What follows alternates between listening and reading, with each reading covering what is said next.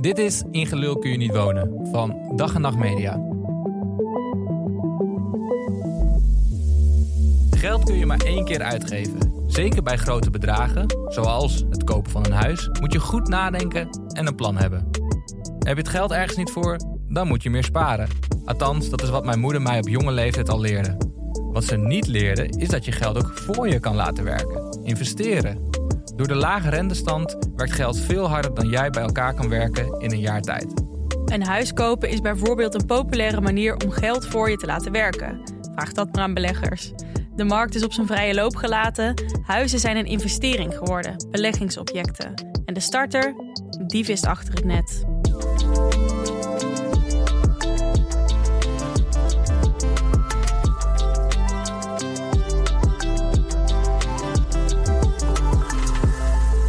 Dit is In Gelul kun je niet wonen, een show over onze huizenjacht tijdens een huizencrisis. Ik ben Volkert Koehoorn en ik ben op zoek naar een koophuis. En ik ben Maaike van Leeuwen en ik zoek een huurhuis.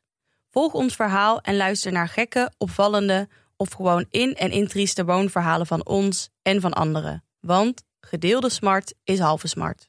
Wij zijn jouw gids in deze huizencrisis.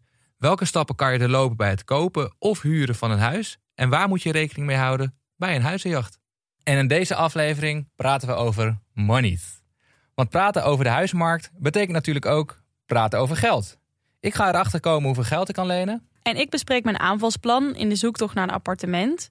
En we deden een bezichtiging bij een tussen aanhalingstekens huis in Utrecht. Dat leek op het eerste oog wel iets voor een alleenstaande starter. Volkert ging kijken en het bleek net even iets anders te zitten. Maaike, hoe ga jij eigenlijk om met geld? ik ben een beetje lui als het op geld aankomt. Ehm, het boeit me gewoon te weinig, denk ik. Eh, ik leef eh, van dag tot dag. Als ik iets eh, leuk vind, dan koop ik het. Um, Heerlijke luxe positie. Ja, ja, dat is inderdaad echt een luxe positie. Dat, snap, dat zie ik zelf ook wel. Want dat betekent natuurlijk ook dat ik me nooit echt druk heb hoeven maken om geld. Ik heb dus nooit zo'n meerjarenplan gehad. Nee. Um, maar ja, soms schrik ik daar dus een beetje van. Vooral als ik dan van vrienden hoor dat ze daar wel mee bezig zijn. Of ja. uh, wat ik ook hoor, is dat uh, jonge mensen steeds meer dan aan het beleggen zijn en zo. En dan heb ik even zo kortstondige paniek en voel ik me naïef. Um, zo van, oh ja, ik ga echt uh, misschien wel te losjes hiermee om. En blijkbaar heb ik dus ook een keer iets heel doms gedaan. Uh, een van de weinige keren dat ik bij Duo inlogde om naar mijn studieschuld te kijken, dacht ik, oh oké, okay, ja, ik heb wel geld wat toen vrij was gekomen van een spaarrekening van mijn ouders. En toen heb ik in één klap heel veel afgelost. Nee. ja, nou ja, hoe jij reageert, zo reageert iedereen daar dus op. En daardoor snapte ik ineens van, oh, blijkbaar is het niet zo slim. Je kan het beter in termijnen aflossen. Nou ja, jij, jij bent daar anders in, denk ik, of niet? Nou, zoals ik al in de intro aangaf, kreeg ik al op jonge leeftijd mee hoe om te gaan met geld. Ik had dan ook zo'n pennyautomaat van Oh, de ja. postbank waar ik dan geld mee kon sparen. En dat sparen, dat heb ik eigenlijk mijn hele leven lang gedaan. Ja, en dat zo'n pennyapparaat, die had ik inderdaad ook. En dan moest je dan een bankpas, de eerste bankpas instoppen die je dan had. En dan kon je weer muntjes ingooien. En dan zag je op zo'n schermpje Ja, zo'n eh, blauwe, blauw groot... Ja. plastic ding. Ja. Eh, en dan zag je op dat schermpje hoeveel je nou totaal gespaard had. En volgens mij was het dan de bedoeling dat je dat klepje aan de onderkant eh dicht liet. ja, dat is het idee van een spaarvarken. Ja, maar ja, ik wipte die dan wel eens open met een liniaal volgens mij. Jij wilde gewoon spenden. Ja, nou ja, ik leerde ook wel, net als jij, van mijn ouders om te gaan met geld. Wij kregen echt niet zomaar dure spullen. En eh, vanaf jongs af aan moesten we zelf, eh, zelf werken. Ehm, maar jij bent dus altijd een spaarder geweest. Ja, nou ja, niet per se met een doel of zo. Ik zette gewoon geld op mijn rekening en ik dacht, ja, dat staat daar gewoon. Eh, ik heb het nu niet nodig, dus dan voor later. En ik denk dat het voor later nu is aangebroken. Ik realiseer me dat het nu heel goed van pas kan komen bij, het, bij de koop van een huis. Ja, Ja, en het staat dus nu op mijn spaarrekening, waar het eigenlijk alleen maar minder waard aan het worden is. Dus ik vind het ook wel fijn om het te stoppen in stenen. ja, oké. Dus je ziet een huis ook een beetje als een, als een belegging dan? Of... Nou, niet per se. Ehm, misschien ook wel deels. Ik heb ook een beleggingsrekening die al flink wat minder waard is geworden door de tijd heen. Dus vind ik het een veiligere optie om mijn geld in een huis te stoppen. En ik moet toch ergens wonen, dus dan is het eigenlijk een soort van win-win situatie. Dat staat eh, best wel ver af, denk ik, van hoe ik een huis dan zou zien. Maar goed, volgens mij is de huizenjacht echt begonnen nu, toch? We zijn los. Echt waar? Ik ben met Sarah aan tafel gaan zitten. En ehm, nou ja, zoals ik de vorige aflevering al vertelde, is de eerste stap die ik onderneem kijken hoeveel geld we kunnen lenen. Mhm. Dat heb ik nu samen met Sarah onderzocht. En het bedrag dat we kunnen lenen, dat gaat je echt verbazen. Yes. Laten we gewoon beginnen met, met eh googlen ehm, hypotheek berekenen. Lijkt me wel, ja. Nou, de eerste hit is meteen maximale hypotheek berekenen. Eh, de mogelijkheden, wa- wat is dit? Ja, oké, we komen op de pagina bereken je maximale hypotheek. Nou, dat is precies wat we willen gaan doen nu. Ja. Ik ben echt zo benieuwd. Ik ook. Ehm, Wat denk jij? ja, goede vraag. Ik denk tussen de drie en vier. Dat wou ik echt precies net zeggen. Dat ik, me ik, denk, ik denk iets van vier. Want Jij we hebben op vier. zich allebei al een baan. Ja, en een vast contract. Ja, Oké. ik denk vier. 400.000. nou, laten we gewoon snel, snel alles invullen. Ehm, want dan des te eerder komen erachter. Ja. Eh, Eerst moet je je jaarinkomen, je bruto jaarinkomen. en ze willen allemaal gegevens van ons weten. Ja. Oké, nou, je, zullen we gewoon beginnen met mijne? Ja. Je leeftijd. Waarom willen ze je leeftijd weten? Hmm, even kijken, er staat een knopje bij, een i. We vragen je leeftijd omdat we willen weten of je binnen nu en 30 jaar pensioen ontvangt. Oké. Eh, dat is sowieso niet zo. Nee. Mm, echt mega lang doorwerken, denk ik. Tot nee, die 70. bank wil natuurlijk gewoon weten of er een, eh, die inkomensstroom binnen blijft vloeien. Ja, precies, ja. Ja. Nou, oké, eh, ik ben 30. Koop je een huis met je partner? Yes. Ja. Oké, dan moeten we hier jouw jaarinkomen invullen. Ja. Nou, oké, bam, bam, bam. En ook jouw leeftijd? Mhm. 29. Ga verder. Gaan we dan al meteen zien wat we kunnen... Nee, volgens mij... Ah, ja, nee, nog nee. kopjes. Hebben jullie maandelijkse financiële verplichtingen? Oh, dat is studieschuld en zo. Ja, Oh mijn god. Hieronder vallen onder andere private lease auto, partneralimentatie, studieschulden of kredieten. Vul alleen in wat van toepassing is. ik dacht dat ze dat niet meer mochten vragen. Studieschuld. Ja, ik hoor altijd van mensen dat ze de studieschuld verzwijgen. Ja, maar komt dat niet terug? Zeg maar, krijg je dan niet een boete als je dat doet? Nou, laten we hier gewoon, vers- gewoon verzwijgen, toch? Ja, hoe willen ze erachter komen? Ja, true. En heb jij niet stiekem eh, een kind bij een ander? Dat je pa- partneralimentatie betaalt? Voor zover ik weet niet. Oké, dan gaan we verder. Hebben jullie al een koophuis? Nee, we zijn starters. We wish. Ja, dat is meer een vraag van boomers. Oh, oh mijn god. Oké, we kunnen nu dus op, op de knop drukken... bekijk de beste deal. En dan krijgen we waarschijnlijk... Wil jij op de, op de knop drukken? Ja, oké. Komt-ie. Ja? Ben je klaar voor? Ja, tromgeroffel. Oké, 3, 2, 1, go. We zijn nu je beste deal aan het opzoeken. Oh, maar, oh mijn god. Nee, dat kan niet. Oh, jezus. Klopt dit wel? Nee, dat kan nooit. Toch? Jij had, dus, jij had Ja. 4 ton verwacht, hè? Ik had 4 ton verwacht. Ja, jij tussen de 3 en de 4. En wat staat hier? Oké, er staat... Durf je het wel te zeggen? nou ja, ik, ik geloof het nog niet, maar er staat... 563.413 euro. Jezus, Volkert, wat een geld. ja, ik vind het ook echt niet normaal. Ik geloof het eerlijk gezegd. Dit is meer dan een half miljoen, hè? Dit is meer dan een half miljoen geld. Ja, moet ik me daarvoor schamen? Eh, nee, dat denk ik niet. Maar ik, ehm, ik zag dat eh, niet aankomen. Ik, ik ook niet. Dit, is, dit verrast mij compleet. En het is ook heel abstract. Dat bedrag staat daar, maar ik weet eigenlijk verder niet wat ik ermee kan. Oké, oké. Ja, misschien moeten we een beetje eh, het relativeren naar de prijzen van nu, die echt super hoog zijn. Dus ik heb geen idee wat je voor kunt krijgen. Maar, Nee. maar toch dat je dit aan, aan lening kunt krijgen. Ja. Ook wel eng, bizar. denk ik. Een half miljoen lenen straks. Ja, maar in 30 jaar betaal je het weer af. Ja, zei hij droogjes. Ik, 30 jaar, kan jij zo ver in de toekomst kijken? Ik nou, wat denk je zelf? Nee. Hey, maar die studieschuld, hè, want daar hadden we het in het begin van de aflevering ook over. Jij hebt hem al afgelost, dus jij zou hem niet hoeven verzwijgen. Maar ja, ik zou het toch wel chill vinden. En ik hoor om me heen ook dat veel mensen hem verzwijgen. Wat, wat moet ik daarmee? Ja, ik, dat- ik hoor dat ook van veel mensen, dat ze het dan toch maar stilhouden. Ehm, volgens mij was dat een hele tijd ook eh, nou, gewoon geoorloofd of gedoogd. En we zijn ze daar nu wel weer iets eh, strenger op geworden. Hè? Dat ze daar toch naar vragen of dat je het moet, eh moet Nou ja, zeggen. toen ik begon met studeren, toen werd op mij op het hart gedrukt van leen lekker zoveel mogelijk, ga lekker leven, ga lekker studeren. Die, die lening die gaat echt niet meetellen met je hypotheek straks. Ja. Nou, nu, zijn, nu ben ik op de leeftijd dat ik een hypotheek nodig heb. En ja hoor, gaat, telt die dus eigenlijk wel mee, want ik moet het aangeven Ja. bij, eh, bij de gegevens die ze van me ja. vragen. En hebben jullie allebei een eh, studieschuld? Ja, niet een significant hoog bedrag, maar Maar ik, ja. ik denk wel dat we minder zouden kunnen lenen als we onze studieschuld op zouden geven. Ja, en ze kijken ook naar het originele, de originele studieschuld, hè? Ja, dus niet naar het bedrag wat je al hebt afgelost, of zeg maar wat nog open staat, maar ze kijken naar het initiële bedrag. Ja, oké. Dus je moet hier even over nadenken wat je, wat je daarmee gaat doen nog. Of je dat op gaat geven of niet. Gewoon verzwijgen.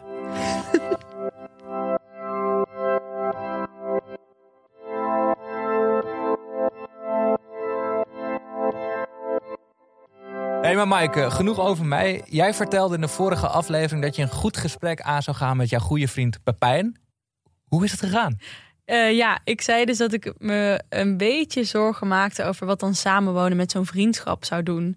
Ehm, dus wij zijn samen eh, een pizza gaan eten, hebben een wijntje gedronken. En eh, ik dacht, oké, ik gooi gewoon de vraag zo op tafel. Out of the blue. Ah, nee, niet out of the blue. Want we hebben vaker gewoon dit soort gesprekken en we durven alles tegen elkaar te zeggen. Ja. Ehm, maar ik heb dus gevraagd: oké, zien we iets over het hoofd? Eh, zit er, staat er niet iets in de weg eh, om samen te gaan wonen? Weet je wel, durven we echt alles tegen elkaar te zeggen? Of moeten we nu iets nog uitspreken? Of, ehm, En ja, dat ging eigenlijk. Het was gewoon verder een heel fijn gesprek. We, Oh, hebben, fijn. weet je, we hebben dezelfde eh karakters. Ze zijn heel erg opgeruimd. Hebben dezelfde levensstijl. Ehm, en waar we het wel over gehad hebben is: oké, hoe geef je dan je grenzen aan? Want nu, als je elkaar even niet wil spreken, ja, dan neem je gewoon de telefoon niet op. Eh, maar ja, je kunt moeilijk eh, doen alsof je niet thuis bent of onder je, onder je bed gaan liggen of zo, als je even geen zin in elkaar hebt. Maar was er een reden dan? Of zo? voelde je iets opborrelen van we moeten het hier toch even over hebben voordat we deze grote stap gaan doen? Of Nou, ik wilde gewoon. zit er onderhuids iets? Nee, dat is het denk ik niet. Het is meer dat ik dacht, ehm, we moeten niet vergeten dat soort vragen te stellen. En dan over een tijd denken van, oh, we hadden dat gesprek even beter moeten voeren. Dus dat wilde ik gewoon graag nu doen, om te kijken of, er iets zat. Eh, ik ben er wel van overtuigd dat dat niet zo is. Behalve dus dat we, denk ik, eh, redelijk in elkaar op kunnen gaan nu al. En dat als je dus samen woont, ehm, ja, het denk ik belangrijk is dat je ook durft je grenzen aan te geven. Ja, dus Pepijn is een goede vriend van je. Jullie kunnen alles met elkaar bespreken. Maar ook geld? Eh, ja, daar durven we ook wel open over te zijn. Dat moet denk ik ook wel als je wil gaan samenwonen. Want dat kost geld en je moet de kosten delen. Ehm, eh, dus je moet ook, we moeten ook iets vinden wat we allebei kunnen betalen. Eh, dus ik ben een beetje wel zelf ook rond gaan kijken op sites van huurwoningen in de vrije sector in Amsterdam. Ehm, en voor iets met twee slaapkamers ben je wel, nou, minimaal 1500 euro. Maar veel vaker ben je, ja, is het 18, 1900 euro, zoiets. Wat Ehm, een geld, hè? ja, het is echt. En dat zit hem dan vooral ook in. Elke maand weer over de balk. Ja. En, en de hoogte zit er dan ook in dat je twee slaapkamers eh, nodig hebt. Ehm, dus ik reken er wel op dat we allebei tussen de 800 900 euro per maand eh, zullen moeten wegleggen. En er komen dan nog kosten bij als gas, water, licht, belasting, Ja. servicekosten. ehm, ja, daar wordt eigenlijk niet eens meegeteld, hè? Nee, dus dat komt er nog eens bovenop. Ehm, en nu zit Pepijn in een appartement met één huisgenoot. En daarvoor betalen zij samen 1450 euro per maand. Exclusief. Dus hij zit wel lekker op zijn plek al. Ja, precies. Dus ik denk dat dat het ook wel eh, iets lastiger maakt om nu iets te vinden. ehm, ja, wat we beide kunnen betalen binnen voor mij best wel korte termijn. Terwijl hij ook wel oké daar zit. Ehm, En ben je nu meer sceptisch geworden? nou, eh, toen ik zo ging kijken op die sites, dacht ik wel even: oh, dit is wel veel geld, sowieso. Maar misschien ook nog iets meer voor Pepijn, want hij is weer gaan studeren. Dus is Oh ja. nu iets, hij hij heeft gewoon iets minder te besteden. Ehm, dus ja, ik, denk wel dat ehm, onze mogelijkheden iets beperkter zijn dan ik eh, eerst dacht. Ja. Maar denk je dat het goed komt? Ja, natuurlijk wel. Komt, het komt altijd goed. En Pepijn heeft die, die lijntjes uitgezet en kent veel mensen. Ja. Ehm, maar misschien duurt het gewoon iets langer dan gedacht. Ja, nou, komt vast goed. Hey, maar je noemt nu, nu hele concrete bedragen. En mijn ervaring is eigenlijk dat er een soort van taboe rust op geld. Wij zijn collega's. Ik heb geen idee wat jij verdient. Je hebt geen idee wat ik verdien. Maar zodra het over huizen gaat, huizen huren of huizen kopen, dan lijkt dat taboe helemaal weg te zijn. De mensen zijn er als de kippen bij om een Funda-linkje op te vragen. Om te kijken ja, hoe duur dat huis eigenlijk is. Ja, dat is lekker om te doen toch ook? Dus als een bekende een huis gekocht heeft, snel even checken voor hoeveel het te koop stond. Of, ja, en gewoon te vragen voor hoeveel je het hebt gekocht. Ja, ook nog eens. En ook wat ik ook doe is als ik dan een huis zie waarvan ik denk, wow, dit is mooi. En staat te koop, dat dan even op Funda checken. Ja. Ja, dat is wel, ja, vind ik wel leuk. Uh... Ja, het is een leuke hobby, maar dat is toch raar dat we normaal gesproken heel erg gesloten zijn over wat er binnenkomt en uitgaat. En um, ja, zodra het over een koop van een huis gaat, dan mag uh, heel de wereld het weten. Ja, ja, ik heb denk ik iets minder moeite mee. Ik snap wat je zegt hoor. Weet je, dat je, uh, dat je dan gewoon uh, zonder gêne vraagt van wat, wat, heb je, wat heb je betaald? Wat heb je overboden? wat voor eigen geld heb je erin gestopt? Um, ik heb zelf ik ben daar wel iets meer open in geworden ook. Uh, omdat ik, ik ben freelancer ook geweest. En dan leer je ook wel onderhandelen. En dan helpt het gewoon heel erg als je met uh, collega-freelancers gewoon open bent over tarieven. Ja, maar dat gaat veel meer over losse bedragen en losse klussen. Um, en niet zozeer over wat er totaal per maand binnenkomt. Ja, daar heb je wel gelijk in. Maar ik denk wel dat uh, er niet zo krampachtig over doen, over geld. Dat dat juist ons kan helpen. Nou, nou, ja, ik denk, ik denk ook zeker dat het uh, kan helpen. Maar dan nog vind ik een tegenprestatie. Dus jij doet werk in ruil voor geld. Wel iets anders dan ja, het kopen van een huis. Want daar wordt gekeken naar het totaal van je vermogen. Dus en je inkomen, maar ook je spaargeld, eventuele erfenissen of een jubelton. Dat, die tellen dan ook mee. En ja, dan ligt ineens ook dat allemaal op tafel. Ja, ik begrijp wat je zegt met dat taboe wat normaal uh, op, op geld rust, maar niet als het op huizen aankomt. Ja. Uh, ik ben ook wel benieuwd of jouw wensenlijstje nog aansluit bij, uh, bij je portemonnee. Nou, een eigen voordeel moet wel lukken, toch? Voor een half miljoen. nou, sorry Volker, maar ik ben toch een beetje sceptisch met dat wensenlijstje van jou. Die hoge ramen, hoge plafonds. Um, we horen er na de break.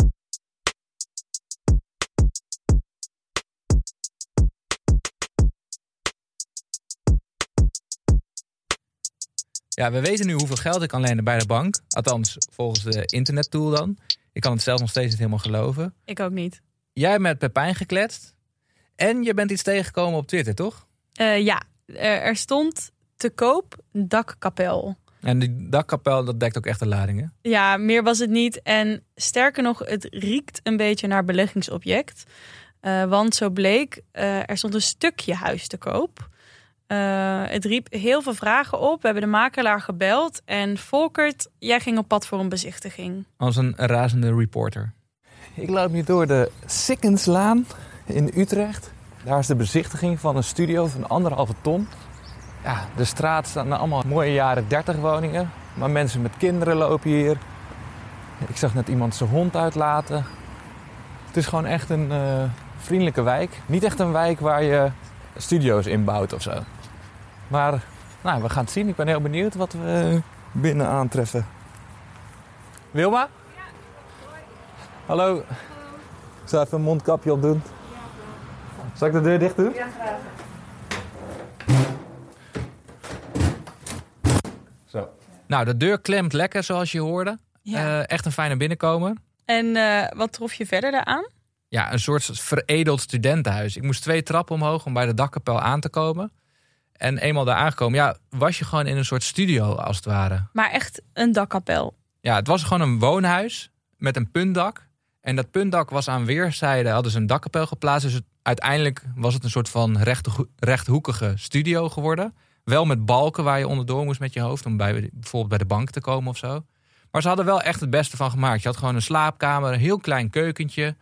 En een woonkamer. En opslagruimte. En uh, badkamer? Die moest je delen. Maar dat was volgens de makelaar wel weer positief. Want dan bespaar je weer ruimte. Oh ja. ja, zo kun je van alles wel uh, chocola maken. En hoe zat het nou met eh, die constructie. Je kunt een stukje huis kopen. Ja, het is dus een heel ingewikkeld verhaal. En die makelaar die heeft het aan mij uitgelegd. En ik ga het nu weer aan jou proberen uit te leggen. Het is dus een gewoon woonhuis. Opgedeeld in vier aparte studio's. Een beetje zoals je ook soms studentenwoningen hebt. Ja, maar in plaats van dat je gaat huren, koop je dus zo'n ja, studio, een hokje. Meer is het eigenlijk niet. Waarbij het een beetje kraakt, naar mijn idee, is dat je geen hypotheek kan nemen op dat stukje woonhuis wat je koopt. Want er staat gewoon een hypotheek op de gehele woning. Maar je kan dus niet nog een hypotheek nemen op dat kleine stukje wat jij gaat kopen. Ik snap hier echt vrij weinig van. Ik heb ook nog nooit van zo'n constructie gehoord eigenlijk. Ja, ik vond het ook echt mega raar. En ik was ook echt flink in de war toen ik naar buiten liep. Zo. Nou, eerste reactie. Even mijn mondkapje af. Zo, de tering. Dit klinkt echt als één grote scam.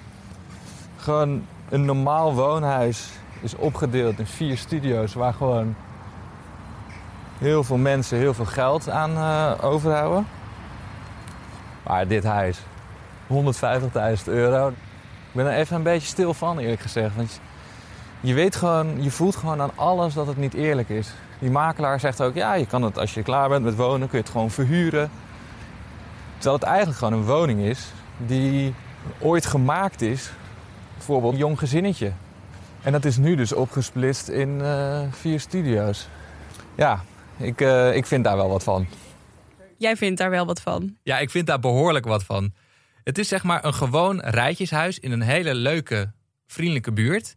Waar dan maximaal rendement op wordt gemaakt. Wat ik dus al eerder zei, je kan dus geen hypotheek nemen op het huis. Dus alleen mensen die 100, minimaal 150k contant ergens hebben liggen, kunnen dat huis Ja. bekostigen. Want het is niet toegankelijk om, om, ja, voor mensen met een minder vermogen die En wel die makelaar, die, eh, ze zei al dat was. ehm, het komt dus niet heel veel voor, die constructie. Maar deed zij alsof ze het doodnormaal vond? Of, ehm, Nou, dat vind ik moeilijk. Dat vond ik echt lastig af te lezen. Want zij wilde gewoon dat we huis verkopen natuurlijk. En zij, ja, nog een ander leuk detail. Je zit dus op de bovenste verdieping. Er is dus ook een tuin aanwezig. Ze zei, ja, die tuin is ook toegankelijk voor iedereen. Maar dan moet je wel even om het woonblok heen lopen. Want je kon niet via ja, de achterdeur naar die tuin. Want die achterdeur was weer van iemand anders. Dus als je in de tuin wilde zitten, moest je dus helemaal om dat woningblok heen lopen. Via de achterdeur van de tuin naar binnen. Ja, en dan kon je in die tuin zitten. Nou, die tuin was natuurlijk helemaal, eh, ja, het is al een beetje als een studentenhuistuin waarschijnlijk. ja, echt vreselijk. Ja, en even terug naar die 150.000 euro. Eh, je zegt dus, eh, ja, dat moet gewoon cash liggen ergens. Is dat dan gewoon, ja, eigenlijk gewoon anderhalve jubelton, toch? Ja, leuk dat je dat zegt inderdaad, die jubelton. Daar moest ik ook meteen aan denken. Dat kwam ook omdat ik vlak voor die bezichtiging dat programma van Sander Schimmelpenning had gekeken, Sander en de Kloof. Mhm. En daarin zet hij heel goed uiteen wat zo'n ja, jubelton eigenlijk is. En dat is dus een schenking van maximaal 100.000 euro, belastingvrij. ehm, ooit in het leven geroepen om de woningmarkt weer op gang te krijgen. Maar oké, anderhalve jubelton bestaat dus niet. Dus even rectificatie, maar... eh, Jawel, want je kan dus, als je met z'n tweeën een huis koopt, kunnen we je beide ouders 100 Serieus?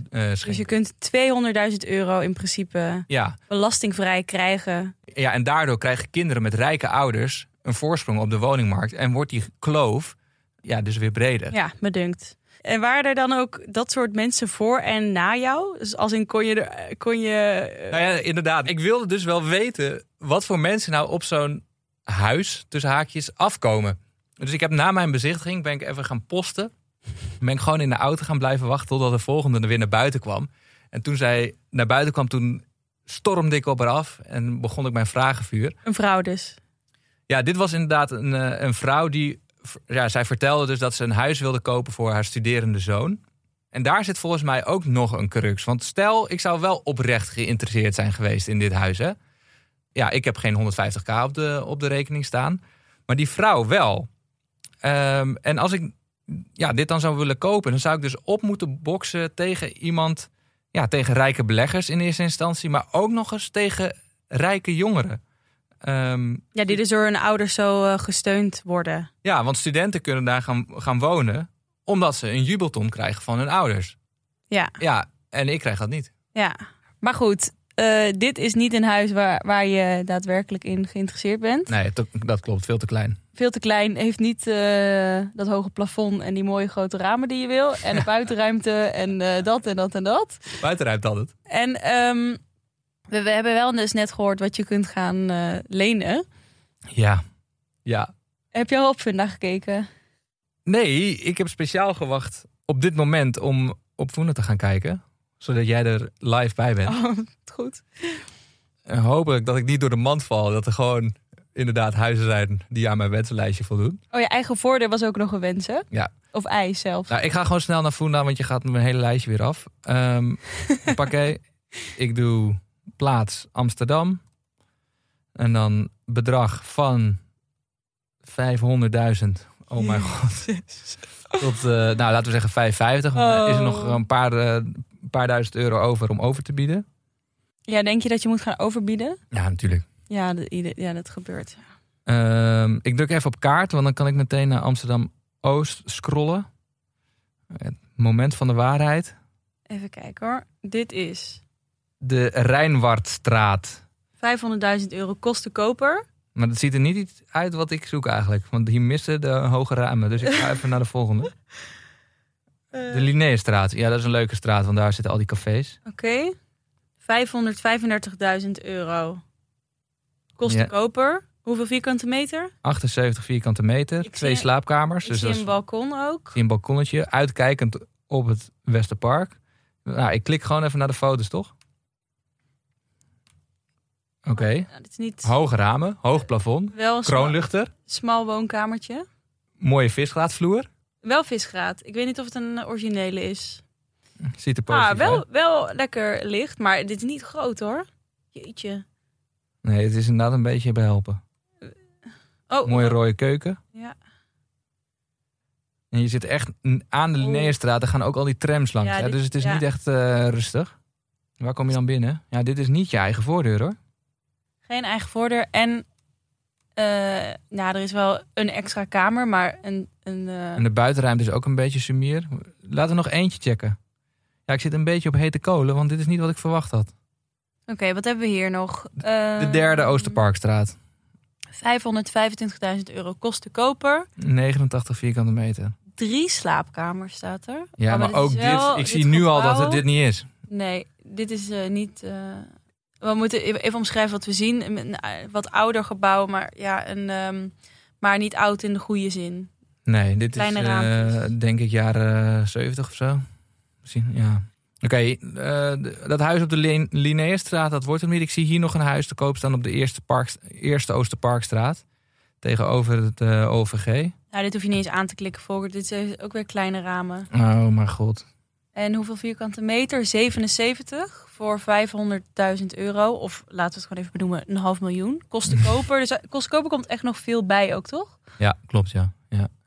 Ehm, Oké, laten we dan nog eentje wat eh, verder weg van, bij het Oosterpark. Ja, ik wil eigenlijk wel niet te ver weg. Ehm, hier, vlak bij de Amstel. Oké, oh my god. Volker, 500 530.000 euro kosten koper. Hoeveel vierkante meter? 48. en Dat twee... vind ik echt niet waar. Oh, kijk, maar dit huis is wel helemaal af. Ja, maar één kamer, hè? Eh, dus twee kamers, één slaapkamer. Nou, Kijk vol- even, dit is helemaal strak verbouwd en Ja, zo. dit is mooi ingericht nu. Oh, dit, dit zijn tekeningen. Dit is niet echt. Ja, dit is niet echt. Dit, Oh mijn god. dit is gewoon heel slim gedaan. Maar dit is niet ehm, what you see is what you get. Mooie keuken. Als die Ik zit echt een beetje op hete kolen, Maaike. Mijn wensenlijstje. Ja, ik, kijk, ja, ik had dit wel een beetje zien aankomen. Serieus? Ik vind het kut voor je. Maar... Waarom heb je me niet Ja, gewaarschuwd? dat heb ik wel gedaan. Ik Oh heb al God. gezegd, ik weet niet of, het, eh, of dit het gaat worden. Ik denk echt dat ik terug moet naar de tekentafel. En, en dan ehm, verwachtingen qua ruimte bijstellen? Of, ehm, Ja. Ja, ik denk dat oh, je, ik bent gewoon- echt, eh, je bent echt heel uit het veld geslagen. hè? Ja, tuurlijk. Dit is echt sad. Ja. Ja. Weet je hoeveel geld een half Ja, miljoen is? ja. En kijk wat je ervoor kan krijgen. ja, dat is wel kut. Ja, als je het zo redeneert dat je van zo, zoveel geld deze ruimtes eh, te zien krijgt. Gewoon van 48 vierkante En meter. een, hè? en een andere buurt, moet je daar niet eh, wat coulanter in zijn? Ja, eh, ik denk dat ik in mijn hele wensenlijstje coulanter moet zijn. Want zo, gaat het hem, zo gaat het hem niet worden. Nou, eh, ja, ja, sorry Volkert. Dit is wel, ehm, ja, dit is wel kut. Ja, nou, ik geef niet op hoor. Eh, het is een, ik vind nog steeds een half miljoen veel geld, maar het blijft nog een beetje abstract. Want ja, we hebben nu een paar huizen bekeken, maar er moet toch veel meer mogelijk zijn. Ja, we zijn even vlug doorheen ge- gescrolld, maar ja, goed. dus ik denk dat ik gewoon even met een hypotheekadviseur of zo moet kletsen. Ja, maar wat, maar Dat is een, vol- een goede volgende stap. ja, dat ik. snap ik ook wel. Maar wat wil je dan? Nog meer geld? Nee, maar gewoon dat hij me uitlegt van, ja, wat kan je met dat geld? Ja. de- In plaats van dat ik nu zelf zo even op eh Voenen zit te kijken. Ja, maar de verwachtingen moeten wel iets bijgeschaafd gaan worden, denk ik. Ik ben bang van wel, ja. Oké. En jouw situatie, wat ga jij eigenlijk doen? Nou ja, met die vriendschap zit het ehm, volgens mij wel goed. Ehm, qua financiële opties en wat er nu op de huurmarkt te krijgen is. ehm, Dat is maak- wat lastiger. Hè? ja, maak ik me wel een beetje zorgen over.